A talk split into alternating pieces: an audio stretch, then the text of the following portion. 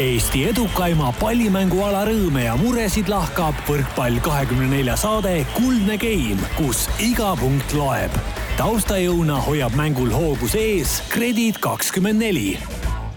tere taas, head võrkpallisõbrad uus nädal, uus kolmapäev, uued jutud. taskuhäälingu saade Kuldne Game on Manta majast alustamas. Karin Aldo kõrval on täna saatejuhi rollis loomulikult ka Rivo Vesik, kes tervitab meid taas telefoni vahendusel. Rivo, oled lindistuse tarbeks kell kaheksa kolmkümmend hommikul end kenasti üles ajanud, kuidas elu Musta mere kaldal kulgeb, samal ajal kui vaid veidi eemal sinust on Türgi ja Süüria omavahel jälle sõtta läinud. tere hommikut, jah, meil äh meil siin seda sõda tunda õnneks ei ole ja, ja mis meil ikka, rutiin, teeme tööd ja teeme trenni, et ega siin laagrites suurt midagi ei muutu. kas kõik äh, Venemaa paremad rannavõrkpallurid on nüüd taas sinuga koos seal Anabas? ei ole veel, et äh, siin esipaar ja, ja siis teine paar teevad veel individuaalselt mingeid asju kuskil, et, äh, et mul on siin kolmas, neljas ja viies võistkond ja, ja noored, et äh, kui ennem oligi saatekülalised siin, kellega ma enne saadet natuke juttu rääkisin, küsisid, et kuidas seal Venemaal on, et kas saalist võetakse palju mängijaid randa või vastupidi, siis, siis just ütlesin, meil, meil just tuli üks noor, noor poiss, kes saalist tuli ära randa. kahekümne ühe aastane, kaks üksteist pikk ja, ja seda siin tuleb kasvatada. No aga tegelik põhjus, miks sa ikkagi seal Venemaal oled, sa oled ikkagi suve pikendamas, ma saan aru, et seal Anapas on natukene teised ilmad kui, kui meil siin oktoobrikuus meil siin püsib jah, niisugune mõnus vananaiste suvi ja, ja ikka jah, jume peal, et ma, ma nii rikas ei ole, et ma Türki saaks minna. ma tulen, valin niisugused odavamad kohad, kus on, saab odavama söögi ja elamisega läbi ja on veel odavamaid kohti kui Türgi tõesti, jah?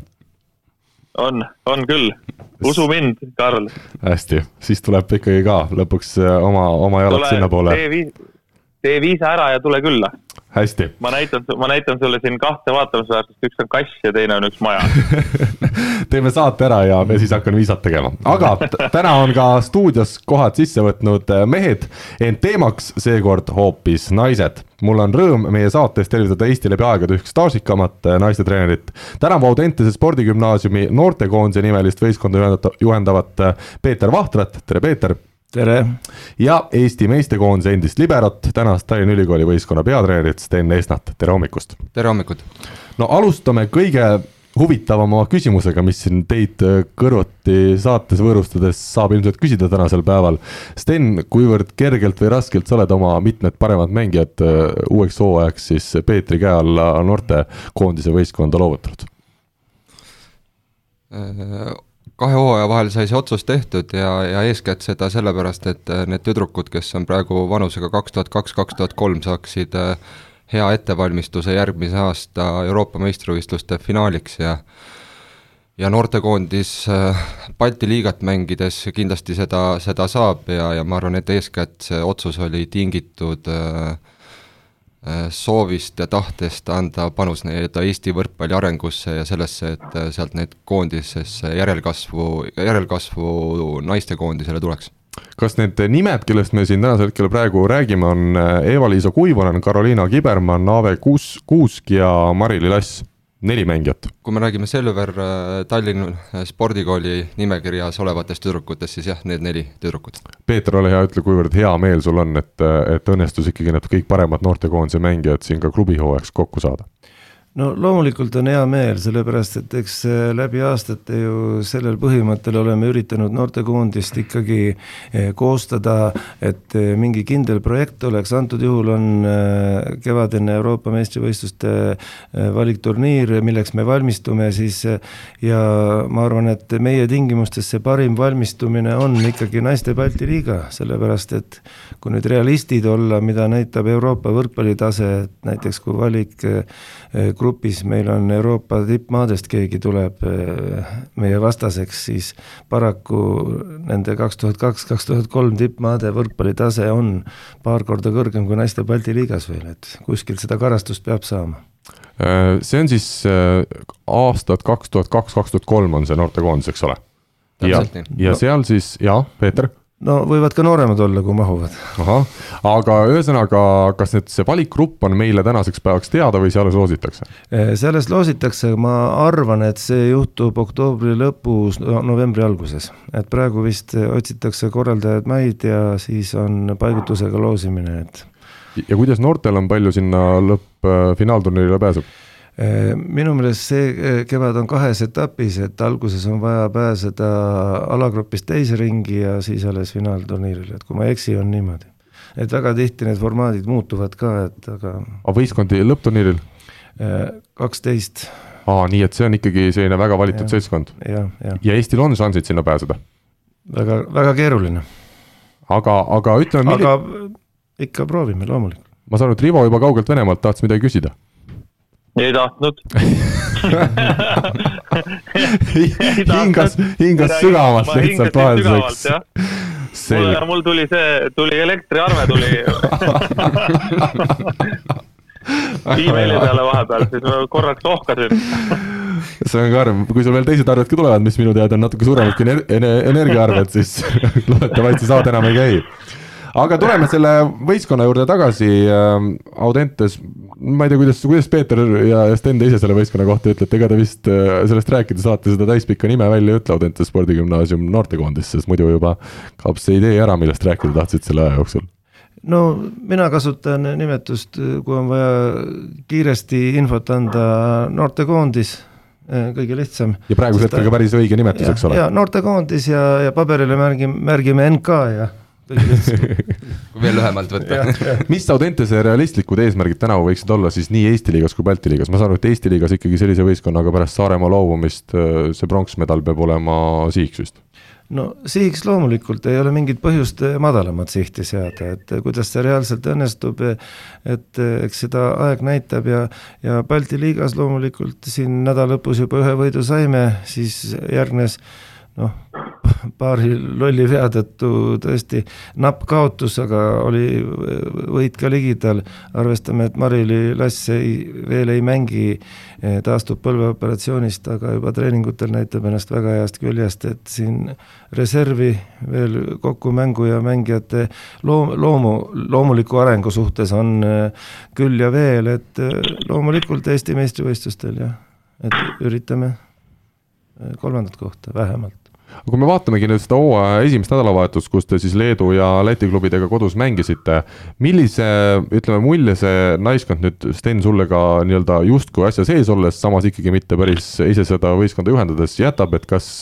kas see esimene nädalavahetus oligi nii ilus, nagu need numbrid näitavad, et esimese mängu kolm-null võit ja teine tõesti selline suhteliselt napp kaotus ja, ütleme, see noortekoondise võistkond võiks täiesti heidelda siin Balti liigas ka kõige kõrgemate kohtade nimel ma isiklikult arvan, et äh,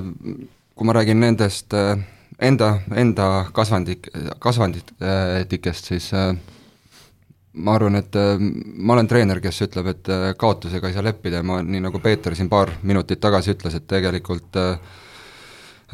natuke parema ja kindlama soorituse korral oleks võinud ka teine mängu võit koju tulla, et ma usun, et see, need tüdrukud kevadel on väga ebamugav vastane paljudele võistkondadele, et et äh, oluline, et nad isuga, isuga ja suure tahtega trenni tuleks ja et suunurgad oleks ülevalpool ja, ja, ja eeskätt noh, Balti liiga mängud ju selle jaoks ongi, et et endast äh, stabiilsemate ja tugevamate võistkondadega sa saaksid proovida, et, et neid punkte tuleb ise võtta, mitte et vastane vea kannab, et äh, mina usun, usun, et äh, nendes tüdrukutes on sisu, et, et äh, hea, hea sisekliimaga võistkond ja, ja neil füüsilised parameetrid on ka sellised, mida, mis, mis võimaldavad, äh, ma arvan, kõrges, kõrge, kõrgemas mängus ka kaasa lüüa. no me rääkisime, et tegu on siis kuueteist-seitsmeteistaastaste neiudega, aga ole hea, ütle, kui kaua sina, Sten, nüüd neid öö, äh, oma, oma tüdrukuid enne seda jõudsid treenida, mitu aastat?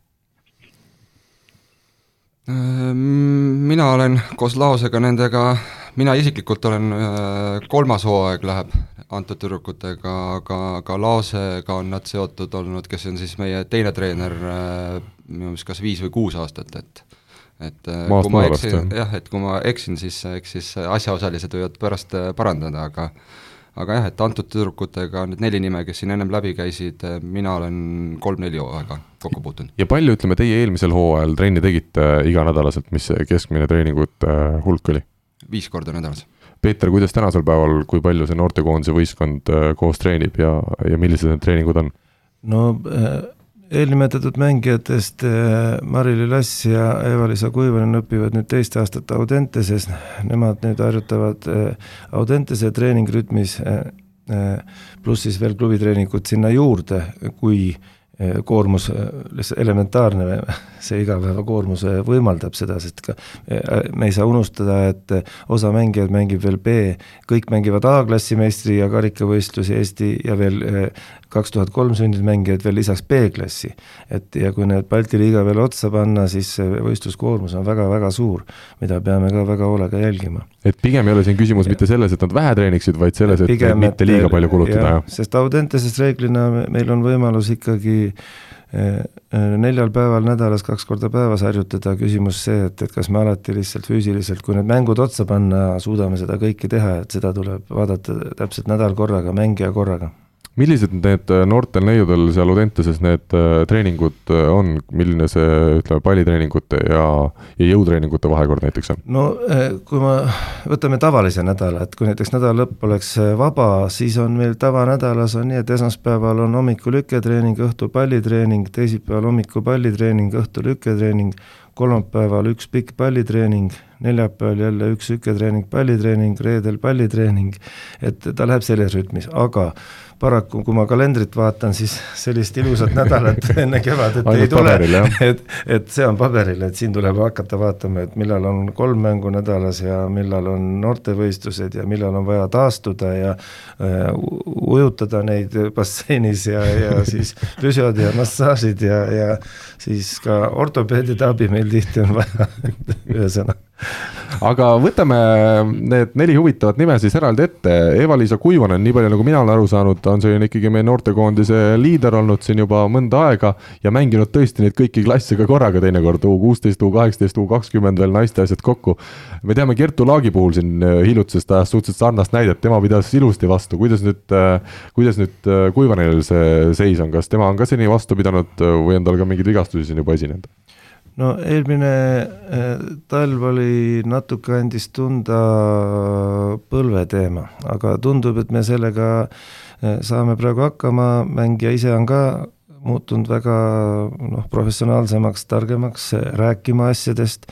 võib-olla eelmine aasta liiga vähe rääkis, rohkem hüppas, et, et, et, et nüüd juba on tegemist sellise peaaegu täiskasvanud mõtteviisiga inimesega.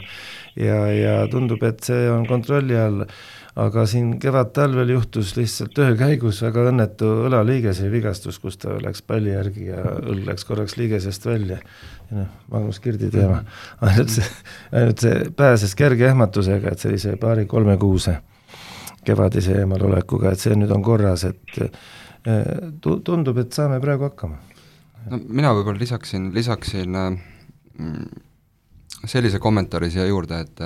et igas halvas asjas on midagi head, et et äh, ma väga hästi mäletan seda, seda vigastuse momenti, kui me Rakveres mängul äh, selle saime ja tal õlg äh, liigesest välja käis ja ja ma arvan, et see muutis Eevat kindlasti tugevamaks, et see sõna, mis siin Peetergi ütles, et professionaalsus, siis ma heas mõttes ma, ma ei soovi, et Eeva pilvedesse tõuseb, aga mul on siiralt nagu hea meel ja uhke tunne tema üle, et see, mismoodi mina julgen öelda, et ma saan teda tuua nagu eeskujuks selles mõttes, et et tüdruk oli järgmisel nädalal trennis ja see ei seganud tal tegemast neid asju, mida ta sai, et on mängijaid, kes vigastuse tõttu on nädalaid eemal ja ei tee mitte midagi ja ütlevad, et arst ütles, et peab puhkama ja muu, et, et see, mismoodi see tüdruk tagasi tuli ja endaga vaeva nägi, see ma ütlen, et me, meil olid pikad vestlused sellel teemal ja, ja sõnum oli see, et investeeri see aeg endasse, et, et ja seda ta tegi, et selles, selles osas on mul, mul hea meel ja, ja ja see aspekt, et ta on täiskasvanumaks kindlasti muutunud, et kui mõned aastad tagasi oli heas mõttes ainult, kui sa said talt jah ja ei vastuse, siis nüüd on ikkagi juba sa saad temaga rääkida asjadest ja tal on oma arvamus ja et selles mõttes on, see on ikkagi samm, samm edasi, et, et loomulikult temas on eeldusi, aga tööd tuleb kõvasti näha ja ta on alles oma, oma mängijatee alguses. sada kaheksakümmend viis sentimeetrit pikkust näitab siin ametlik statistika, see näitab, et nii-öelda ainest võrkpalluriks saamiseks on küll, aga arvestades veel ka seda, et, et ta ju ilmselt natukene kasvab loodetavasti. No eks seda näitab, näitab elu, et kas kasvab või mitte, et aga, aga sinust on Sten juba mööda saanud? no praegu jääb veel alla. veel jääb napilt alla et ma saan ülevalt alla vaadata aga mis tema, ütleme, tugevused mängijana on, ma saan aru, et ta tegutseb nüüd nurgaründajana vist või? no ma ütleks niimoodi, et ta on selles mõttes universaalne mängija, et eh, loomulikult eh, tal on äh, loodus on talle palju andnud ja teda saab eh, servi vastuvõtul kasutada, ta on õnnestunud praegu sel sügisel päris hästi. loomulikult noh, kaugel ideaalist veel õnneks, siis on vaja selle tõttu, et on vaja tööd teha vastuvõtuga, et äh, suudab vastuvõtva nurgaründena mängida, samas ma arvan, et mitte midagi juhtuks, kui mingi mängu keskel gei-, mõne geimi lõpus, järgmise geimi alguses eh, tõsta ta diagonaalründaja koha peale täiesti mängib välja, nii et selles mõttes universaalne nurgamängija ja eks tulevik näitab. aga olen ikkagi seda meelt, et eh, isegi pikkus siin sada kaheksakümmend viis, sada kaheksakümmend kaheksa maailma mõistes ei ole ta nüüd väga pikk, et ilma servi vastuvõtuta noh, on raske, et üritaks ikka kõigile meie noormängijatele, nurgaründajatele vähemalt, et see seri vastuvõtt ikkagi õpetada nii palju kui võimalik, et see nendega kaasas käiks tuleviku mõttes. Ave Kuusk ja Maril Lass siis ülejäänud kaks sellist ründavat mängijat, kes siit Steni käe alt tulid, ole hea, Sten, mõne sõnaga räägi ka nendest, milliste tüdrukutega on tegu ja, ja millised, ütleme, mängijatena tegu on. Ma alustan võib-olla Ave, Ave Kuusest, kes siis on äh, vasakukäeline, vasakukäeline mängija, et ta on võib-olla vastand Eevale, et, et kui ma Eevat töökuse osas kiitsin, siis, siis ma võib-olla Avet, Avet kiidaksin selles osas, et tal võib-olla tehnika, tehnika vaates minu arvamusest mööda ja, ja, ja selliste nii-öelda, selles osas on tal võib-olla isegi Eeva ees eelised. Aga miinuse poole pealt ma tooksin välja selle, et, et äh, ta teeb täpselt nii palju kui vajalik, aga nii vähe kui võimalik, et, et äh, siis tuleb palju nõuda. treenerina, treenerina see on mulle väljakutse, aga, aga eks näeb, mis ma, mis mul õnnestub tast välja vormida. ma küsin vahele, kuna meil on Rivo ikkagi kaugelt Venemaalt kalli, kalli telefoniühendusega liinil. ütle, palju tippspordis sellist asja kohtab, et, et see mängija teebki täpselt nii palju, nagu vaja on, aga, aga väga nagu sellist lisatööd ei, ei taha teha, et kas sellist asja näeb profivõrkpallis ka? Jaa, päris, päris palju jah, et äh, üldiselt ta kipub nii olema, et kui mängija on andekas, siis ta on, on niisugune laisemapoolne ja ja eks see mõnes mõttes ole nagu loogiline ka, et kui, kui inimene näeb, et ta saab mingisuguse tasemega hakkama, siis on ennast jube raske sundida, et selleks on vaja hästi, hästi-hästi sellist tugevat distsipliini, enda, iseenda distsipliini. et sa suudad ennast sundida äh, siis, kui sa, isegi siis, kui sa tead, et sa oled vastasest parem või isegi siis, kui sa tead, et sa oled nagu mingisugusel tasemel. et see on üsna raske, et me teeme päris palju oma mängijatega ka tööd selle nimel, et äh, et nad ikkagi oskaks või noh, räägime hästi palju sellest, et nad oskaks ja, ja, ja üritaks ennast sundida, isegi kui nad suudavad võita seitsekümmend protsenti mängides või viiskümmend protsenti mängides, et nad ennast kogu aeg arendaksid edasi. Et, et seda on ja, ja ilmselt seda jääb ka olema, et eh, kunagi öeldi, et, et kui on andekas, siis on laisk ja kui on eh, ebaandekas, siis on hirmsalt töökas, et sellist kahte, kahte nagu kokku, kokku sobivat asja on väga vähe.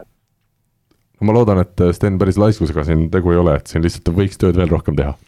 Noor neiu. ma mõtlen, kuidas nüüd ilusasti öelda, et äh, no ma arvan, et jah, et tegemist ei ole laiskusega, pigem on selline äh, võib-olla muga-, mugavuse, mugavusega, et mida Rivo ütleski, et, et kui tunned, et oled võib-olla vastasest, vastasest öö, omavanustes täpselt öö, peajagu üle või võidad, aga, aga see ei saa olla eesmärk omaette, et võita oma vanuseid, et pigem, pigem küsimus on, mis su nagu pikaajalisemad sihid on, kuhu sa välja tahad jõuda, ja meil treeneritena, kui see on silmade ees ja, ja arusaamine on olemas, siis on võimalik aidata mängijat järgmisele tasemele. nii, üks nimi oli siin veel, keda palusin sul natukene kellest rääkida Äh, Mari-Li Lass, äh, jah, tegemist äh, nurga, nurgaründajaga ja, ja noh, kindlasti minu võistkonnast on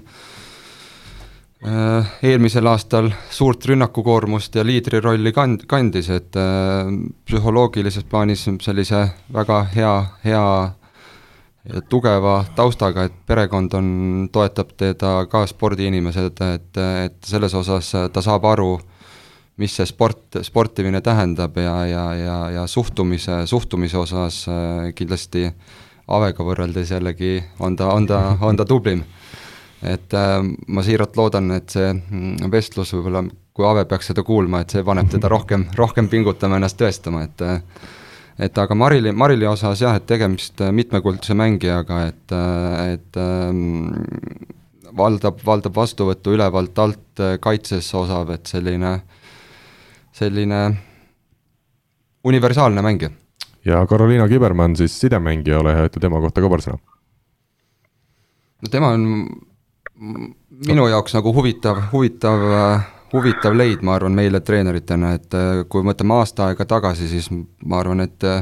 Eesti võrkpalliringkond sellest tüdrukust ei teadnud veel mitte midagi, et et eelmise aasta jaanuaris ta alles esimest korda nii-öelda hakkas selliste ähm, noorteklasside esimese finaalturniiri maiku üldse äh, nuusutama, et äh, ja minu, minu vaates ta on, on mängija, kes on minu võistkonnas selline pusletükk, äh, kes ühendab, ühendab äh, nii mängulises vaates, kui, kuna sidemängija roll seda niikuinii on, siis ka ülini positiivne ja, ja inimene, kellega saab rääkida, nõu pidada, kes kuulab ja, ja teeb seda, mis, mis talle öeldakse ja ja see on, ma arvan, ka eeldus selle jaoks, miks ta, miks ta nii-öelda sellise suure sammu oma mängijakarjääris edasi on teinud. Peeter, ole hea, ütle, räägi ähm, sellest äh, Audentese ja noortekoondise võistkonnast, millised nimed veel siin esile võiks tuua lühidalt peale nende Steni nelja hoolealuse? no kindlasti, kes nüüd on rohkem siin viimase aasta, pooleteist aasta jooksul mänguaega koondise äh, koondise värvides saanud äh, Katriin Põld, ka oli juba naistekoondise juures keskründaja Saaremaalt, äh, Helena Loos, sidemängija, äh, Maren Mõrd, nurgaründaja, Anneli Aabel võib mängida nii nurgas kui keskel. et äh, siin ja, ja ütleme nii, et ikkagi võistkonda mina arvestan kõigi mängijatega, meil on suur nimekiri, et võib-olla need eelnimetatud lihtsalt on rohkem saanud mänguaega ja vastutust et, et tublid tüdrukud. no sel aastal siis nii Kibermann kui ka Kuivonen esimest korda pääsesid, kui Eesti naistekoondise nimekirja seal kevadel said naistega koos treenida. kas nüüd nemad kaks on ka sellised Eesti, ütleme siis praeguse seisuga kõige suuremad sellised tuleviku lootused naiste võrkpalli osas? eks need, need nimed, mida Peeter, Peeter eelnevalt välja tõi, kindlasti nendel kõikidel äh, kõikidel on lootus, lootus äh, äh, jõuda kõrgemale tasemele, mis puudutab Evat ja Evat äh, ja Karolinat, siis jah, see suvi nad said naistekoondise juures, lisaks veel Katriin seda lõhna nuusutada, et ma usun, et see oli emotsionaalselt ja just selle kahe, kahe kõrva vahele neile oluline, oluline oluline selline samm, jah. samm jah, et, et see, mis ma arvan, endast tugevamate ja professionaalsemate mängijate kõrval näha, kuidas nemad pingutavad esimesest punktist viimase punktini, siis ma ütlen, et minu jaoks see hooaeg on treenerina jälle uus ja õppiv, et, õppiv, et et kui ma eelnevatel hooaegadel ma võisin rääkida ja näiteid tuua sellest, et mida on vaja teha, kuidas professionaalsed mängijad trennis teevad ja, ja käituvad, siis ütleme, et kui ükski mängija ise seda lõhna pole nuusutanud, siis on keeruline, keeruline ka neil võib-olla sellest aru saada, see aasta minul, minul selle võrra on lihtsam, samas jällegi uus seis, et need, kes naistekoondise juures olid, siis need on professionaalsust ka minu trennidesse juurde toonud, et nad on nõudlikumad enda ümber olevate mängijate osas ja kui seda itsitamist ja naermist äh, oma lolluste üle oli eelnevatel hooaegadel rohkem, siis ma selle, selle hooaja vaates see trenni suhtumine äh, on kindlasti, ma ütleks isegi kaks sammu parem, et selles osas mul on äärmiselt hea meel, et nad on äh, mängijatena seda professionaalsust ka üle kandnud äh, minu treeningutele no mina näen jälle seda, et kui mängida siin meeste rahvaliigat, siis kuivad ikkagi, mida vanemasse ikka, seda rohkem tuleb seda itsistamist jälle tagasi. et siis, siis see muutub jälle edasi, aga, aga natleme, läheme natukene oma teemadega laiemaks. Peeter, küsimus sulle, kuivõrd raske on tänasel päeval Audentesesse noori tüdrukuid õppima ja mängima saada? no vastus on nii ja naa. Et eh, eks eesmärk on ju alati, kõik need aastakümned ju on, oli ta CIK või ESG või Audentes ja selle, oli ta korvpall või võrkpall, eesmärk on ju see, et saada parimad, võimalikult palju parimaid noormängijaid sinna kokku, et siis noortekoondis saaks koos harjutada ja see oleks siis sealt eh, selline vahe, vahe, vaheaste juba täiskasvanute koondisest. no paraku reaalne elu on see, et, et kõik ei ole mitte kunagi tulnud sada protsenti, mõni aasta tuleb rohkem koondise kandidaate, eh, no erinevatel põhjustel ei tulda, on näiteks juba võib-olla hea naisteklubi kodus, väga selge, eh, võib-olla väga hea kodukool, mis on juba mm, eh, mingi, nimetame eliitkool ja, ja kodune keskkond ja noh, põhjusi on väga palju tegelikult ja kõik on väga arusaadavad ja, ja arvan niimoodi, et noh, kõik ei peagi alati tulema, et see on mängija vaba valik tegelikult ja, ja kui nad noortekoondist ikkagi esindavad ja suurturniiridel noh, siis on niimoodi, aga ja loomulikult ka teretulnud alati on olnud mängijad, kellel on võib-olla koduklubides äh,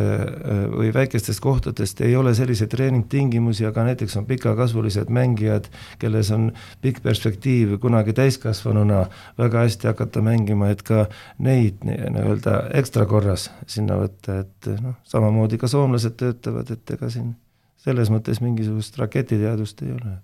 aga üks rakett ikkagi tänavu Audentesesse juurde tuli, Julia Mõnnakmäe siis tagasi kodumaal ja, ja ma saan aru, et ta aitab nüüd sind seal Audenteses äh, tüdrukut treenimisel? jaa, Juliaga siin äh, vestlesime, kui ta EM-ilt tagasi tuli pikalt ju kogu suvest ja, ja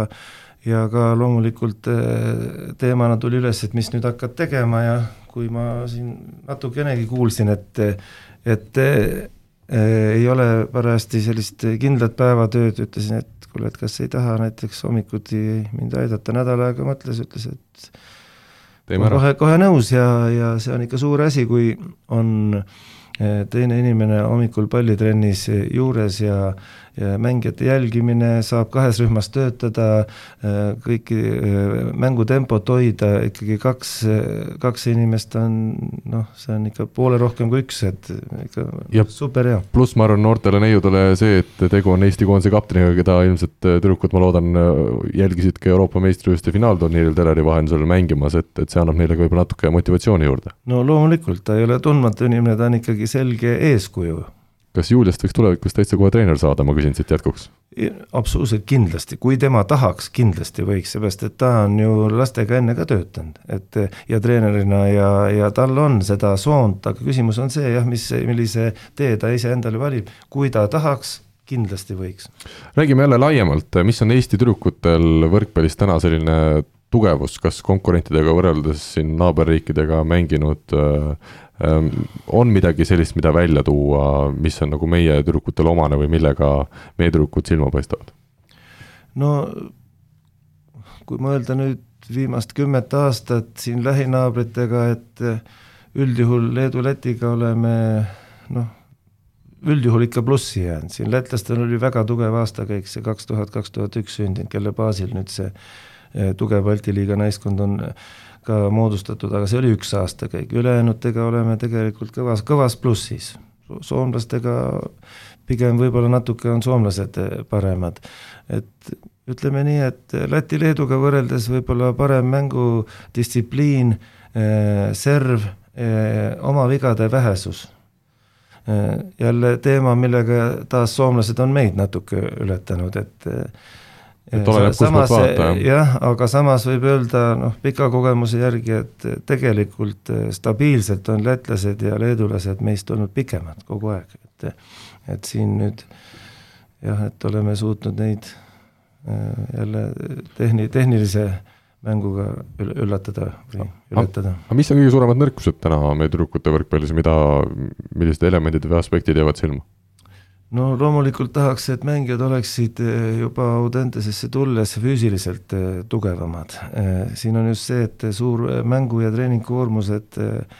pisi, pisitraumasid ja valusid on liiga palju, see võtab väga palju aega mängijatelt ja minult ja, ja meie tugi, tugirühmalt kes meid aitavad, et väga palju energiat läheb sinna. ja, ja loomulikult tegeleme sellega kogu aeg ja, ja üritame neid füüsiliselt tugevamaks treenida. Äh, teine teema, mis minu jaoks on suur nagu probleem üldse viimased aastad olnud, on tugeva servi vastuvõtt esimesena Äh, ütleme nii, et kui me jõuame rünnakule, siis kõik aastakäigu siin viimased on päris hästi suutnud rünnakuid lahendada. Äh, aga tugeva servi vastuvõtt jah, paraku Euroopa tipptasemel see servi lennukiirus on võrreldamatult suurem kui isegi naiste Balti liigas, rääkimata meie kodusest noorteliigast. et kui tundub, et me kodus võtame päris hästi servi ja kui me lähme kuhugi Lõuna-Euroopasse või sinna äh, Venemaa-Ukraina poole ja äkki siis lennukiirus on kolm korda suurem ja palli lennukaar täiesti terav, siis oleme paraku hätta jäänud sellega. Et ja loomulikult teema sidemängijaid, just konkurents sidemängijate vahel, et äh, sidemängijaid, kellel oleks eesmärgiks jõuda naistekoondisesse ja tippvõrkpalli, et tundub, et neid on hästi vähe, kes on kõrged eesmärgid seadnud, et, et sidemängijaid võiks olla rohkem. üks asi veel, mida ma tahaksin siis puudutada, tulen Steni juurde. ütleme, tütarlapsed, keda te treenite, olgem ausad, on sellises üsna keerulises eas, puberteet, kõik muud jutud. Palju nüüd Sten sellist igapäevast võitlemist ette tuleb, et, et tuleb ikkagi rääkida, et see trennis käimine on tähtis ja ja korralikult toitumine on tähtis ja, ja koolis käimine tuleb, tuleb selgeks teha ja ma arvan, et treeneri, treeneri roll, roll äh, isiksuse kasvamise juures on äärmiselt oluline, et et äh, kui mina, mina tänan siin otse-eetri vahendusel kõiki oma, oma treenereid, kelle käe all ma olen äh, mänginud ja ja ma arvan, et äh, pärast mängija karjääri, sa aastaid hiljem tegelikult saad aru, et äh, miks ta minult neid asju nõudis ja võib-olla need, need treenerid, kes äh, nõudsid just rohkem ja olidki sellised justkui ebameeldivad eba,. ebameeldivad, et nüüd sa saad aru, et tegelikult need olid nagu kõige paremad treenerid. oled sa ise ka ebameeldiv kohati? Ma arvan, et olu-, kindlasti ole, osa olukordades loomulikult, et noh, minu, minu nagu treeneri filosoofia on see, et äh, treener, trennis tuleb äh, olla see, kus, kus asjad tuleb kokku leppida, vaeva näha, õigel ajal kuri häält teha ja, ja olla nõudlik, et noh, mängudes see on juba äh, mängijal see stressifaktor seal mängus on nii, nii kui nii kõrgem, et äh, seal on see, et äh, seal sa pead olema, mina olen nagu toetava, toetava funktsiooniga ja, ja aitada neid emotsionaalselt äh, olla stabiilselt seal, et nendel neid ärakukkumisi võimalikult vähe oleks. aga mis see küsimus oli? küsimus oli, et palju tuleb ette selliseid olukordi, kus tüdrukutel ongi, ütleme, kõik muu käib, äh, käib üle pea ja, ja see võrkpall võib-olla tol hetkel ei olegi nii tähtis? kuule, eks neid jutuajamisi, jutuajamisi treeninguväliselt on nendega, tuleb, ma julgen öelda, et iganädalaselt mitmed korrad teha, et et aru saada, et mis nende pea sees toimub, kuidas nad mõtlevad, kuidas nad läbi elavad õnnestumisi, ebaõnnestumisi, kuidas nemad aru saavad, mis hästi on, mis on halvasti, mis võiks paremini olla, et see on, iga mängija saab asjadest täiesti erinevalt aru, et ma arvan, et teinekord kodus endal äh, naine võib-olla ütleme, et nüüd ta juba saab aru, aga va-, vanasti, kui ikkagi rääkisid, rääkisid äh, telefoni teel õhtuti nendega ja uurisid, et kuidas nad asja mõtlevad ja et noh, see tundus, tundus imelik, aga see on üks osa treeneri tööst, üks on see, et mis on seal äh, kellaajast kellaaja lõpuni saalis, see on, äh, see on väike osa, osa nendes äh, treeningtööst üldse, et, et, et noh, kõik see muu, mis siin on, taastumine, arstid, jutuajamised, kuidas nad asjadest aru saavad, noh see kõik on see pro-, nende arenguprotsess Peeter, palju sinul neid hetki tuleb ette ja igapäevaelus, et, et tütarlastel on jällegi need muud huvid tulevad mängu? no ütleme nii, et Audentese spordigümnaasiumis äh, ei olegi suuri probleeme olnud. ei ole olnud, et, et kindlasti seal on lihtsam, kui on spordikoolides et kes on juba tulnud tegelikult, ega kohe ma üritan need asjad, üritame paika panna ühistes vestlustes, et miks siia on tuldud ja mis on siin peamised eesmärgid, et ei ole su-, loomulikult eh, on olnud eh, üksikjuhtumeid, kui eh, mängija leiab, et see ei ole õige koht ja lahkub või siis ei saa hakkama oma asjadega, et aga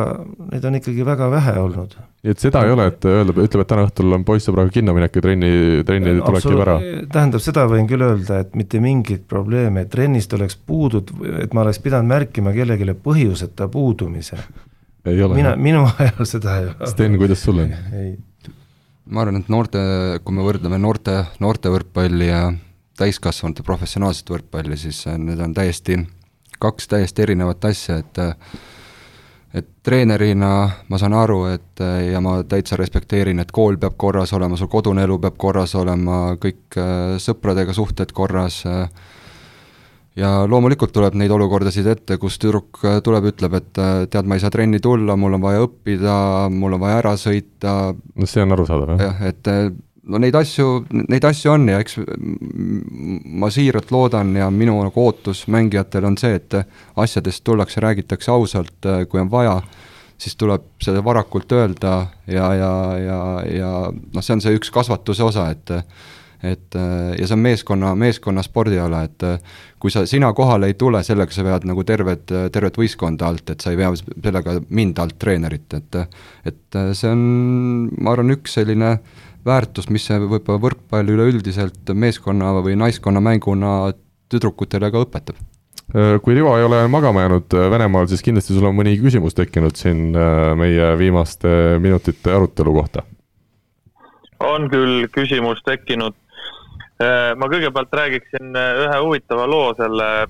selle trennist puudumise kohta, et mul ka üks tuttav treener, tuttav treener ütles, et äh, tüdrukud ei saanud seekord rannatrenni tulla, sest nad pidid viikendile minema nii no ja argument. ka selliseid valikuid on tehtud ja noh, sellest muidugi me saame kõik aru, et viikendile peab minema, et peabki nagu noh, treenerid saavad aru, treenerid lähevad viikendile, et nii on. aga aga mis ma tahtsin küsida, oli Peeter rääkis siin, äh, mis on ka minu arust väga õige asi ja, ja kus on äh, nagu võiks rohkem tööd teha noorteklubid, on just see füüsiline ettevalmistus. sest nii palju, kui mina mäletan, äh, kui ma veel Audenteses esiliigas Raul Reiterit aitasin, siis Rauli põhiprobleem oli see, et ta ütles, et kui poisid tulevad talle Audentesesse kooli ja trenni, siis tema või siis nemad peavad hakkama õpetama neile näiteks, kuidas teha kasvõi täiesti tavalist kükki kangiga. et, äh, et see füüsiline ettevalmistus noorte poole pealt, kas, mis te, ja Peeter arvate, et kas, kuidas võiks seda nagu paremaks teha, et ma olen kunagi selle isegi välja vist öelnud, et et kas alaliidu poolt või kuskilt poolt võiks olla mingisugune algatus, et ongi üks füüsilise treener, kes käib ja teeb koolitusi suuremates linnades nendele klubitreeneritele see ei pea olema ühesugune programm, aga seletatakse lihtsalt ära, kuidas midagi teha ja kui palju seda võiks teha. olete te minuga nõus või, või kuidas teie seda poolt näete? Loomulikult äh, see oleks vajalik ja kindlasti paljud äh, spordikoolide treenerid äh, oota, ootaksid seda abi ja toetust ja nad on valmis vastu võtma igasugust nõu. ja, ja nad, nad teavad ja teavad, et see on probleem ja, ja ja võib-olla ma mõtleksin üle, et ma, Rivo minu arust suurepärane, suurepärane idee, et, et mina isiklikult tunnistan, et minul jõusaali alast haridust ei ole ja, ja, ja selles osas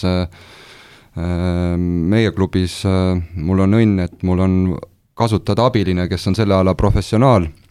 ja keda ma usaldada saan, et kindlasti kui me räägime noortevõistkondadest, siis äh, ma arvan, et samasugune olukord on paljudel treeneritel, kellel, kellel võib-olla võrkpallialane, erialane ar-, teadmised on olemas, aga mis puudutab jõusaali ja üldkehalise ettevalmistust, siis see on kindlasti see osa, mis, millest puudu jääb, et paljud treenerid ei ole kehakultuurialase kõrgharidusega ja teevad seda töö, töö kõrvalt hobi korras ja patriotismist, et, et kindlasti kui siin Võrkpalliliit suudab initsiatiivi näidata ja, ja ja organiseerida noorteklubide juurde näidistreeninguid, see oleks igati tere, teretulnud, teretulnud. kas Rivo sai vastuse kätte? jaa, aga kas selle teema võiks võtta üles näiteks kuskil treenerite kogus või kuskil sellises kohas, kus saaks seda ka reaalselt edasi liigutada? meie võime seda siin rääkida nii palju, kui tahame me võime selle mõtte üles visata, aga otsuse teevad ikkagi teised inimesed ja kui on olemas treenerite kogu, siis miks mitte nemad ei push'iks seda alaliidule?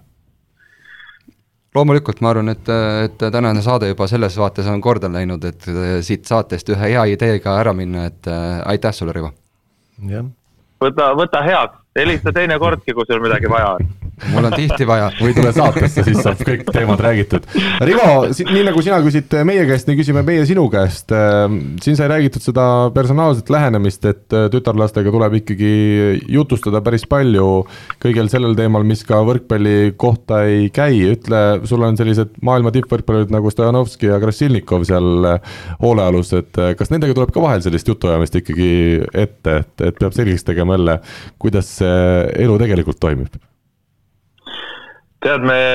päris aus olla, siis me spordi ja, ja võrkpalli poole pealt räägime ikkagi kaks-kolm korda nädalas. niimoodi pikalt, päris istumegi maha ja räägime, niisugune tunniajase niinimetatud koosoleku teeme. kuidas nemad ennast tunnevad, kuidas meie ennast tunneme, mida võiks juurde panna, mida võiks vähemaks võtta, neid asju räägime, noh, ja tuletame meelde ka enne puhkusi, et et nüüd liiga lõdvaks ei laseks ennast, ennast ja, ja õnneks neile seda, seda poolt ei ole väga vaja siin meelde tuletada, et äh, kui ma olin noore, kui Oleg oli veel noorem, Oleg ja Artjom Mersutin, kui ma nendega koos olin, siuksed üheksateist, kaheksateist aastased, siis oli neid probleeme päris palju, kus ikkagi äh, tuldi ka sinise silmaga laagrisse ja, ja kergete lõhnadega laagrisse, et siis neid jutuajamisi oli päris palju, aga aga tänaseks on noh, nagu Sten ütles ka, et äh, noortesport ja profisport on nii palju erinev, et eks ju Leegia ja Slava saavad väga hästi aru, millega nad riskivad, kui nad sellise lolluse teevad, on ju. Nad saavad väga hästi aru, nad on endale selgeks teinud, aga profülaktika mõttes me ikkagi räägime nendega nendest teemadest ka. ja see, see on juba puhtalt see, et, et nemad on täna ikkagi selles suhtes avaliku elu tegelased, et nad võivad arvata, et nad on kuskil suvalises keldribaaris ja ja möllavad seal ja teevad mingid lollused, see ei tule välja, see tuleb välja niikuinii ja sellest saadakse teada, nad on, noh, nad saavad sellest aru, aga me teeme seda tööd ikkagi. sest inimestel äh, jälle, nagu ennem oli jutuks, et kui inimene muutub mugavaks, siis, siis hakkavad tulema vead sisse mingi hetk väga hea, no ütleme naiste tippvõrkpallist äh, Eesti näol, siis me jõuame täna veel saate teises osas rääkida, aga vahele võtame siin paar rubriiki. Küsimusmängu toetaja on teamshield.com oma disainiga spordi ja vaba aja riided küsimusmäng ja eelmisel nädalal sai siis uuritud, et Tallinna Selveri nurgaründaja Oliver Orav on välja töötamas uuelaadset treeningpäevikute platvormi, mida hakkavad õige pea kasutama muuhulgas Audentese spordigümnaasiumi treenerid. kas Peeter, sina oled sellest ka juba kuul-, kuulnud või see on seal teiste treenerite äh, käe all praegu? Ei, ma usun, et ta nüüd on äh, lõppfaasis, selle väljatöötamine juba on meile midagi antud? presentatsiooni seal tehtud ja idee on räägitud, aga millal see asi nüüd reaalselt käivitub, et nüüd ootame. nii et sina ka, Peeter, ilmselt tead vastust meie eelmise nädala küsimusele, et milline tegevvõrkpallur Eesti koondiseski mänginud mees aitab Oraval seda platvormi luua? ei tea? seda ma ei tea. väga hea, Sten, kas sina tead? Losnikov või? jah, Deniss Losnikov, palju õnne! nüüd ma tean ka. väga hea ja meil oli rekordiliselt palju õigesti vastajaid, kolmkümmend inimest, kõik teadsid, äh, kes see, kes see mees siis oli, Deniss Losnikov on ilmselt Eestimaa võrkpalliringkondades ikkagi nii kuulus mees, et noh, siin äh, palju küsimusi ei ole. ühest kolmekümneni ma annan siin kogenumale, kogenumale saatekülalisele Peetrile võimaluse öelda üks number. ühest kolmekümneni? jah. viisteist. viisteist Kädi Pökler, palju õnne, minu mäletamist mööda on ta juba ühe korra meil siin auhinna võitnud, aga nüüd siis Team Shieldi poolt tehtud Eesti võrkpallilegendide erisärk läheb Kädile seekord, palju õnne ja uue nädala küsimus on meil siis selline puhtalt statistiline. Ja küsime järgnevat, mängisid siis äh, Peeter Vahtra ja Sten Esna peatreeneritena eelmisel aastal omavahel äh, Eesti siis äh, naistesarjades kokku kuuel korral. küsime, kumb rohkem võitis ja mitu korda võitis. Ja olge head, nimetage ka võistkonnad, mida siis Sten ja Peeter juhendasid. Ja Rivo Vesik ütles, et kõik, kes nüüd kõigele täiesti pihta saavad õigesti nendele paneme välja ka terases ühe, ühe magusa poolteist tundi rannavõrkpalli, kuigi eh, ma pean ütlema, Rivo, et see, ma kohe sihuke kriitikaminut tuleb siia kohe lõppu teras, teras beach'ist rääkides, see, see liiv on seal nii sügav, Rivo, et mul on juba tead, soojendust tehes olen ma nii läbi omadega, et ma ei, ma ei tahagi teinekord mängida enam, et, et Rivo, anna nüüd oma kommentaar sellele liivale, mis te sinna terasesse maha olete pannud. Rivo, luba, ma vastan. nii, Sten no.. sa, sa oled nõrk jah, õige, Sten sa saad asjadest aru väga õigesti. jah, ei ole, Rivo, sul ka midagi lisada, jah? ei no mul on lisada küll selles suhtes, et sa vaata, see on täpselt, see on sihuke tüüpiline, tüüpiline nagu inimese reaktsioon on ju. mina ei ole süüdi, keegi teine on süüdi, liiv on halb, tuul on vastu, päike on liiga ere, siis on külm, siis on liiv liiga kõva, sajab, ei saja, täna võiks sadada, aga näed, ei saja, kehvasti. ise mängida ei oska ja siis ülejäänud on kõik ümberringi kulla sõber, vaata peeglisse, tule trenni, teeme trenni, valmistame sind ette ja küll sa selle liivaga ka hakkama saad. Teil pole seal peegleid, ma vaataks küll, aga seal on ainult üks liiv, ma mujal ei näe kui ainult liiva sisse. Tee siis kurat selfie endast, vabandust, et ma nüüd läksin endast välja niimoodi ei ole hullu, vahele natukene nalja ka, sain selgeks, et asi ei ole liivas, asi on minus. ja uue nädala küsimusele saab siis vastuseid saata ikka jätkuvalt info, et võrkpalli kakskümmend neli ja võrkpalli kahekümne nelja Facebooki lehe sõnumitesse. meie aga võtame ette järgmise teema. aeg on välja selgitada nädala tegija nädala tegija rubriigis seekord äh, naisi ei olnud meil esikolmikus, kolmas koht Märt Tammearu, edukad mängud Tartu Bigbanki eest, äh, siis diagonaalründaja kohal Curtis Stocktonit ta on asendamas ja kakskümmend kaheksa häält meie Facebooki hääletuses teenis. teine koht Robert Tähele, no Robert Täht on meil sisuliselt iganädalane külaline selles rubriigis, sest äh, kahtlemata, kui Eesti mees maailma tippklubis mängib, siis tema tegemistel hoitakse huviga silma peal ja Robbie on seni vähemalt kontrollmängudes, kui Wilfredo Leon, äh, meeskonna suurim staar, ei ole veel meeskonnaga liitunud, on tõesti Robbie väga hästi esinenud. Öelge teie nüüd, Sten ja Peeter, palju te jõuate naiste võrkpalli kõrvalt äh, seda kõige kõrgemat meeste võrkpalli jälgida? no üritan nii palju kui võimalik, et äh, alati ei jõua, aga ütleme, need on ju need meedia, kanalid tegelikult kättesaadavad, et ja tegelikult on võimalik jälgida ju kõikide maade meistrivõistlusi, et, et nii palju kui võimalik, ütleme, mina olen äh, kindlasti, kindlasti ütleme, et laupäeva õhtuti, kui Prantsuse liiga mängud on, jälgin neid live score'ina ja, ja pildina, et et äh, ma hoian ennast ikkagi kursis, kursis, et kuidas meie, meie koondise mängijad ja äh, siis, siis ennast, ennast üleval peavad ja ja ma ütlen, et eks see kui sa oled selles võrkpallis nii kaua sees olnud, siis see asi läheb korda ja, ja juba enda harimise mõttes on hea, kui sa kui sa neid asju jälgid, kuidas teised teevad, miks nad teevad ja, ja siis üritad seda mängupilti vastavalt enda, enda mängijate võimekuse juurde siis äh, rakendada ka trennis.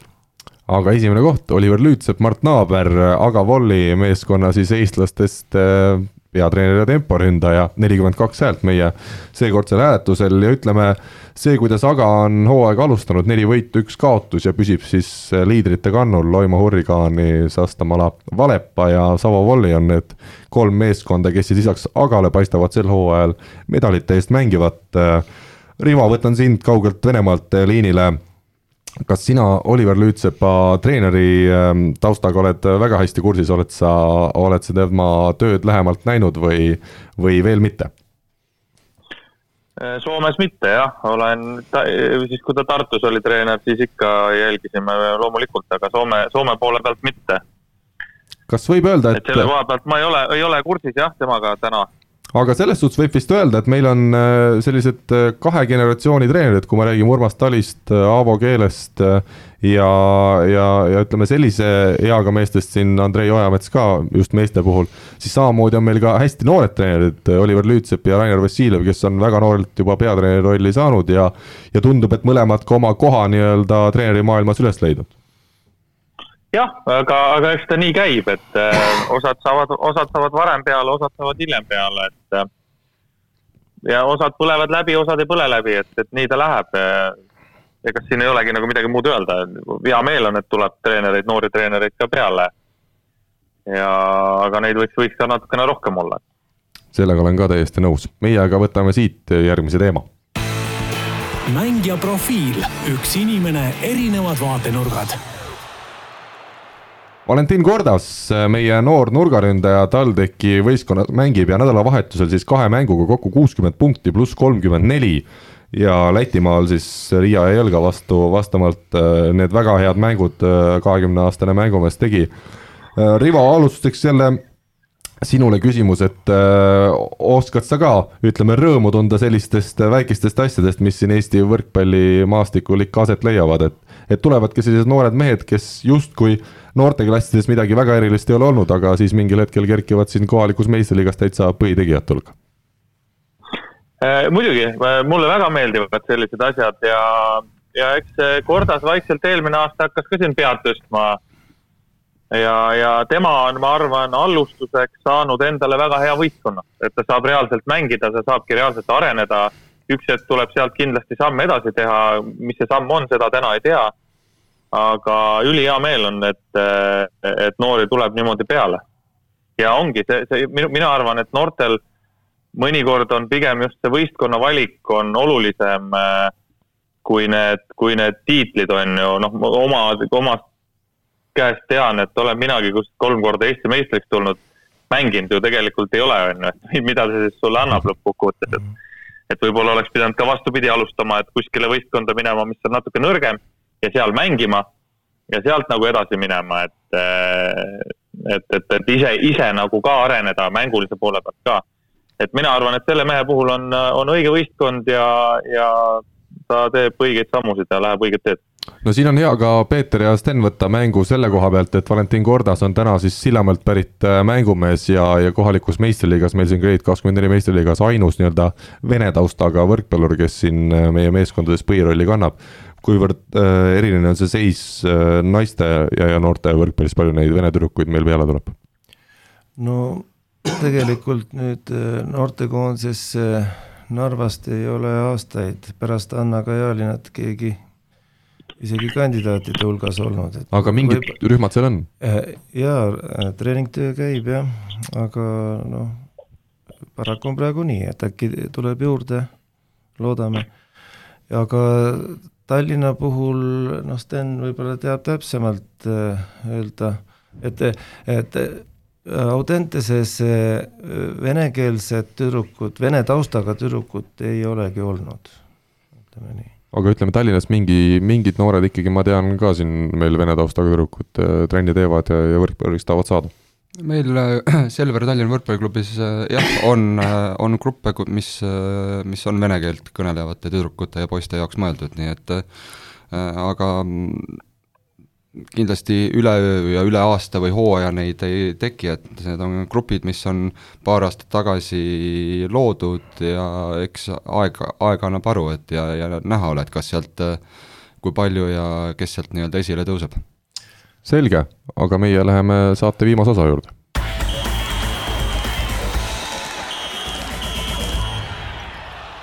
Peeter ja Sten, räägime esmalt Eesti naiste rahvuskoondisest, arvestades seda, et meil päris mitmed põhitegijad tulid tänavusel hooajal siis tagasi kodumaale mängima. milline see reaalne seis on, kas me peame ikkagi tunnistama, et järgmisel suvel Eesti rahvusnaiskond on väga suure tõenäosuse, tõenäosusega jälle nii-öelda sammu tagasi allapoole astunud, kui siin viimasel aastal astusime selgelt sammu või kaks ülespoole. või see, et nüüd äh, põhimängijad mitmed tulid kodumaale, päris seda ei tähenda ja, ja ütleme, sarnase taseme võime ka järgmisel suvel välja mängida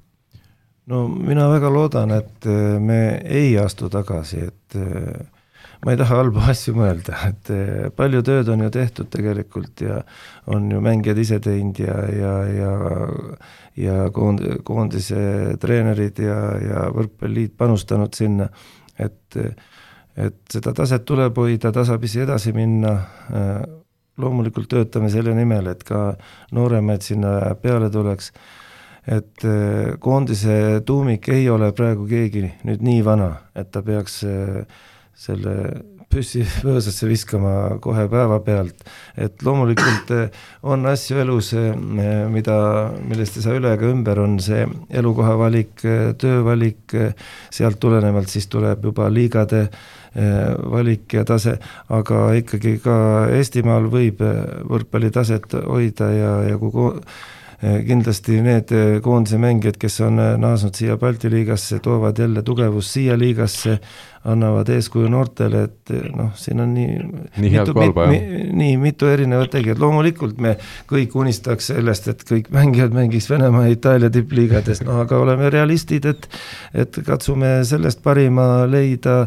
mis meil on olemas ja reaalne teha, samas võib-olla sedagi ei ole nii vähe üldse no üks küsimus, mis jälle tüdrukuid just eriti puudutab meil Eestis, on see, mis saab pärast gümnaasiumi lõppu, kas te täna nendest noortest, kellest, keda teie olete siin treeninud, äh, üks siis teist eelmisel aastal ja, ja teine praegu, kas nende puhul on see kindlus justkui olemas, et neil on see huvi ja ambitsioon kindlasti võrkpalliga tuge-, tulevikus tegeleda või see on täna kõik veel lahtine? mina saan, mina saan öelda, et äh, ma usun, et äh, ma olen sellel teemal äh, tüdrukutega, mitte kõikidega kindlasti, osadega rääkinud ja ja neil on siht silme ees, et äh, kindlasti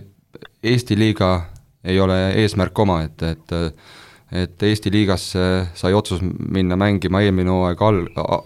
alguses ja, ja esimene hooaeg on selja taga ja see näitas, et noh, tüdrukutele, noorte tüdrukutele on äärmiselt oluline see, et sa saad endast vanemate ja tugevamate vastaste vastu mängida äh, kes siin silma paistab, äh, sellel, sellel on võimalik, äh, ma arvan, siit Eestist, Eestist äh, kiiremini, kiiremini edasi hüpata kuskile kõvematesse liigadesse, et kas siin Soome, Soome kõigepealt ja, ja no need eredamad, eredamaid tähti, ma arvan, leitakse, leitakse üles, et, et noh, sellel aastal on meistriliigas Eestis viis, viis naiskonda, samas isegi ma julgen öelda, et meistriliiga tasemel mängijaid, kes võiks äh, kes hooaja alguses olid vabad, äh, neid võistkondi võiks olla rohkem, et kui me võtame ees-, naiste esi, esiliigat, siis see, see seal aasta, sellel aastal on kuusteist võistkonda seal, et et äh, see supp, äh, supp meistriliiga vaates võiks olla minu, minu meelest tugevam ja ütleme, et mängijaid, kes, kes võib-olla sooviks mängida Eesti meistriliigat, oleks rohkem, et aga tuleb rahul olla sellega, mis hetkel on, aga ma, ma ise, ise arvan, et et mängijaid, mängijaid, kes naiste liiga tugevusse äh, juurde annaks, oleks küll. kas Viljandi ja Pärnu, meie väga legendaarsed naiste võrkpalli kantsid, äh, on lootust, et nemad mingil hetkel naasevad meistriliigasse? Peeter ja Sten, olete te kursis selle teemaga? Äh, no ei ole kursis, aga nii Pärnu kui Viljandi panid sellel aastal välja esiliiga naiskonnad, mis on jälle samm sinnapoole ja miks ei või loota selle peale, sest mõlemad mõlematel on ju pikk kogemus ja väga edukas kogemus naiste meistriliigas, et siin võib olla üks-kaks, kui paari aasta jooksul äkki tuleb jälle see soov ja ega Eestimaal ju mängijaid on ja et loodame. Loodame, aga saate viimases osas tahaks natukene võrrelda meie tänavust kahte paremat klubi vabandan, mul siin hakkab juba hääl vaikselt ära minema niivõrd põnevate teemade kajastamisel. TalTech Tradehouse ja Tartu Ülikool äh, Bigbank, siis meie kaks tugevamat naiskonda ikkagi eeldatavasti ka algaval hooajal on. me teame, et äh, eelkõige just TalTechi naiskond on siin suvel ka tugevamaks läinud just mitme koondise mängija liitumise näol. kui lubate, siis ma alustuseks küsin, kumb võistkond teie jaoks tänavusel aastal selline peamine tiitlipretendent on koduses liigas? Paberite, paberite järgi, nagu Kristjan Kais ütles, et favoriit on äh, TalTechi võistkond, et aga, aga mänge, mänge kindlasti paberi peal ei võideta ja ma arvan, et Marko Metil suur väljakutse on see, et kuidas, kuidas seda mänguaega nende tüdrukute vahel jagada, et äh, seal on, seal on rohkem, rohkem kui kaksteist mängijat, kes seda mänguaega soovivad, soovivad saada, et äh, kuidas nende ütleme, kuna ma ise neid mängijaid psühholoogilises äh, plaanis ei tea, et äh, oskusi ja seda, seda teadeta, aga kuidas keegi reageerib sellele, kui ma nüüd saan vähem mängida, rohkem mängida, kuidas keegi töö kõrvalt äh, trennis käib, millised äh, tema enda ambitsioonid on, et noh, see kõik loeb, et et äh, paberi peal kindlasti TT, TT või TalTech on, on favoriit, aga, aga, aga ma arvan, et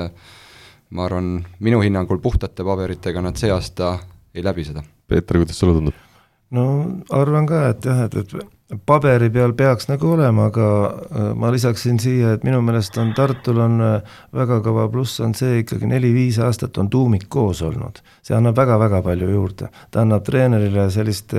töörahu Äh, ja, ja lihtsam on nendega toimetada, selle naiskonnaga,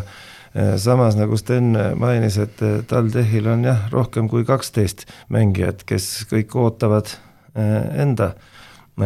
osa ja järjekorda sinna platsile pääsemisel, noh ma, ma ei tea täpselt, aga ma arvan niimoodi, kui toetudes paberitele, et et kuidas see löögirusikas nii-öelda valmis vormitakse seal, et kindlasti see saab tugev olema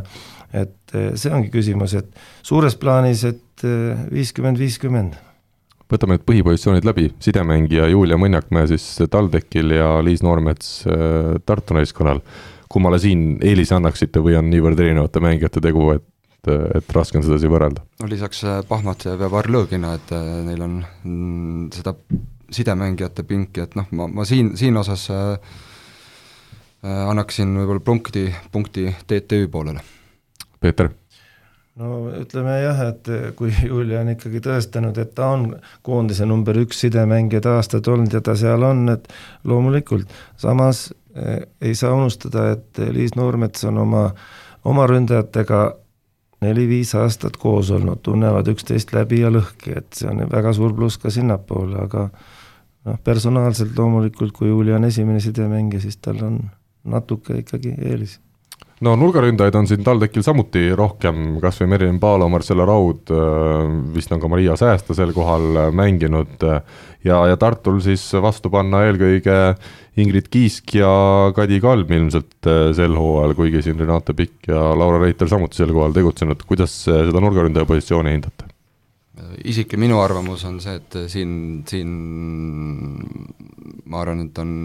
seis üpris võrdne, et äh, ma ei annaks eelist äh, kummagile, et siin oleneb, oleneb äh, puhtalt päevast, et, et äh, see, mis Peeter, Peeter ka välja tõi, et oluline ongi see koostöö sidemängijatega, kuidas ta need nurgaründajad särama suudab panna. No ma arvan jah, et enam-vähem võrdne, võib-olla Tartu nurgaründajatel on siin tugevate mängude kogemusel natuke eelist, et ja aga su-, suures pildides sama, jah. no diagonaalründajad, Ingris Suvi siis Tartu naiskonnal eelkõige ja Kadi Kullergann, Kristel Moor TalTechil, selline raske kahurväe mm, vastasseis siin võib vist öelda? noh, siin ma arvan, et, et rahvusvaheline kogemus juba, juba TTÜ mängija kasuks räägib, et äh, väga hea koondise suve tegi, et aga, aga eks neil on mõlemal äh, ütleme, et peatreenerina ma tean, mis nende omad miinused ja plussid on, et, et aga, aga ütleme, et kui ma peaksin võrdlema, siis kindlasti Mo-, Moor selles osas äh, minu, minu nägemist mööda on eelisseisus. ma küsin Peetri käest hoopis nii, kas Kadi Kullergann või Kristel Moor, kas äh, siin on nii-öelda tasemevahe mängijate osas äh, sees pärast seda, kui nüüd Kristel jäi väga edukat koondise suve? Äh, no ma usun, et eh, noh, viimase poole aasta mängud, kui ma võtan, et Kristel Moor on siin diagonaalründajana hästi õnnestunud ja samas ma tean, Kadi on väga eh, võimekas mängija, aga paraku on natuke mulle küsimusmärk, milline on ta see tervislik seisund, et ta on siin põlvega tegelikult audis olnud ja see põlvetrauma on teda pikalt seganud, et milline, kui tal põlv oleks terve, milline ta tegelik vorm ja võimekus oleks, seepärast et käeulatuselt ta on ülivõimeline ilmselt kõige pikem mängija Eestis, mis on väga suur pluss, jõudu on tal väga palju. aga Kristeli mängustiil jälle, nagu ma seda korduvalt olen öelnud, et kui ta lööma läheb, siis noh, kõige hullem on see, et tundub, et vahel ta ise ka ei tea. Siis ei saa teinegi teada, aga ära ta need pallid lööb. et eh, väga ebamugav, kui tal on hea päev, siis vastasele väga raskesti loetav, Kadi on kergemini loetav Tartu naiskonna temporündajad siis Laura Reiter ja Mari Arak ja TalTechil siin kõrvale panna Mari Loormann ja Elisa Peit siis, kes siin ka Soome liigast naases tänavuseks aastaks koduliigasse, kuidas siin see vastasseis tundub? Sten muigab, võrdsed nii. Rah-, ra-, kui me rahvusvahelise, no ma, ma arvan, et olukord on selles mõttes sama, et, et noh, rahvusvahelist kogemust TalTechi mängijatel on rohkem, et noh, kui nad on koondi, koondise, koondist, koondise lõhna saanud tunda, samas Arak ka see suvi sai eh, koondise, koondise juures käia, et eh, noh, samas no, minu jaoks on, minu jaoks nad on, ma ütlen, et seal on erineva, erineva stiiliga mängijad, et, et neil on ühe, kuidas ma ütlen, kui ma, kui ma peaksin ise nendest valima, siis siis ma oma võistkonda võtaksin ühest mängijast ühe ja teisest teise, et, et ma jätan nimed mainimata, et eks tulevikus peab valikuid tegema, et siis saab teha, et et aga, aga TTÜ kindlasti ploki poole pealt ma arvan, et on, on, on, on eelis nendel. Peeter no arvan ka, et peaks väike eelis olema, samas ütleme, Tartu mängijad väga tublid, väga korrektsed mängijad, mis mulle meeldivad, väikeste vigade arvuga mängivad, eh, eh, samas eh, Julia ja Elisa Ollas, Elisa Ollas, Elisa Ollas ja Julia on ju tegelikult koos mänginud juba Viljandis, Kohilas, Eesti noortekoondise ajast ja eh, mõlemal on rahvusvaheline kogemus, et kui nemad saavad klappima nüüd oma asjad, et kindlasti see on kõva löögirusikas Eesti ja Balti liigas siin, et et selliseid küsimusmärke nüüd on õhus, et aga ikka suhteliselt võrdne Rõõm on seda kuulda. Lähme viimase positsiooni, positsiooni juurde, libero rollis siis Eesti koondise põhitegija Kristi Nõlvak TalTechil ja Tartul on siin päris mitu nime, Siiri-Mari Sikk, Mailis Pajumägi ja, ja veel ju ka Marje Rosenblett on võistkonna nimekirjas, et äh, tegelikult valikut on neil justkui rohkem, samas äh, Kristi siin suvel ka väga hästi just EM-il tegutses, et siin vist läheb natukene kaalukauss TalTechi poole. eks siin tuleb nõus olla, et Kristi suurepärane koondise suvi oli ja, ja ta on ennast aastaid, aastaid tõestanud, et et äh, miks ta, miks ta koondises äh, liber on ja, ja tõesti ülipositiivse üllatusena ta tegi väga stabiilse koondise suve ka, et et äh, Tartul jällegi äh, pink selles osas on äh, pikem valikut jah, kolme nime puhul, nagu sa välja tõid, et äh, eks nad, eks hooaeg annab äh, siit pildi ette, et kes neil, kes seal seal platsi peale tuleb ja, ja ma arvan, et kui ühel on, ühel on natuke kehvem päev, siis tuleb teine ja, ja toob kastanid tuled, tulest välja. ja lõpetuseks kõige raskem küsimus, Marko Mett ja Kristjan Kais siis naiskondade peatreenerid, kas siin saab ka eelise kummal, kummalegi anda või, või jääme poliitiliselt korrektseks? no mina jääksin korrektseks, sellepärast et mõlemad teevad ju pühendunult ja tublisti tööd, mõlema mõlemal on Balti liiga mõistes eh, väga hea mängijate materjal tegelikult, kuidas see nüüd õnnestub vormida, et eh, mõlemal on oma, omad võimalused olemas, et täiesti. selge, ja Sten nõustub? Minu meelest nad ei oska kumbki treenida Rivo, äh, anname saate lõpetuseks ikkagi kuningale sõna, mis sina üldse sellest naiste, naiste värgist äh, arvad, selline üldsõnaline kokkuvõte, ma usun, et sa oled võimeline selle siin kindlasti oma aastatepikkuse kogemuse põhjal andma. Ma täpsustan siin, äh, siin natuke, Karl, et kuningas on ikkagi Nõmsalu. et ma, ma ei ole veel endale tiitlit pannud. Aga ei, noh, naistel tuleb samamoodi põnev hooaeg nagu meestel, et et naised vist nüüd, kas see nädalavahetus mängivad esimest korda ja TalTech ja Tartu mängivad laupäeval, jah? jah, et seda tasub kindlasti jälgida ja vaadata. ja, ja ma arvan, et naiste võrkpall on samuti õigel teel, et, et need, et et osad nüüd tulid tagasi koju sealt koondise mängijad, et see, see ei pruugi halba tähendada, et osad jälle läksid välja, et ja, ja nagu, nagu teame, siis noori tuleb peale ka ja, ja Peeter ja Sten teevad, teevad head tööd ja teised noortetreenerid ka, et nagu me siin saate käigus rääkisime, on kohti, kust parandada. aga, aga olukord ei ole, ei ole üldse hull, nii et ma arvan, et naiste võrkpall on, on õigel teel hästi, Rivo lõpusõnad on öelnud, öeldud, ütleme siis nii palju, et järgmine kodune selline võrkpallimäng, mida tasub jälgida homme Tartus, Tartu Bigbank ja TalTech mängimas siis meestest. Ja arvestades seda, kuidas TalTech on seda hooaega alustanud ja arvestades ka seda, et Tartul veel Curtis Stockton peaks olema puudu, siis loodetavasti tuleb üks põnev kohtumine, mina aga tänan kõiki saates osalejaid, Rivot, Steni ja Peetrit, oli meeldiv, te ei olnud täna saates keegi esimest korda ja ma julgen juba praegu lubada, et mitte ka viimast korda. aitäh teile ja kõigile võrkpallisõppedele juba kohtumiseni nädala pärast. aitäh. nägemist. nägemist. Eesti kõige põnevamad podcastid on Delfis, kuula tasku.delfi.ee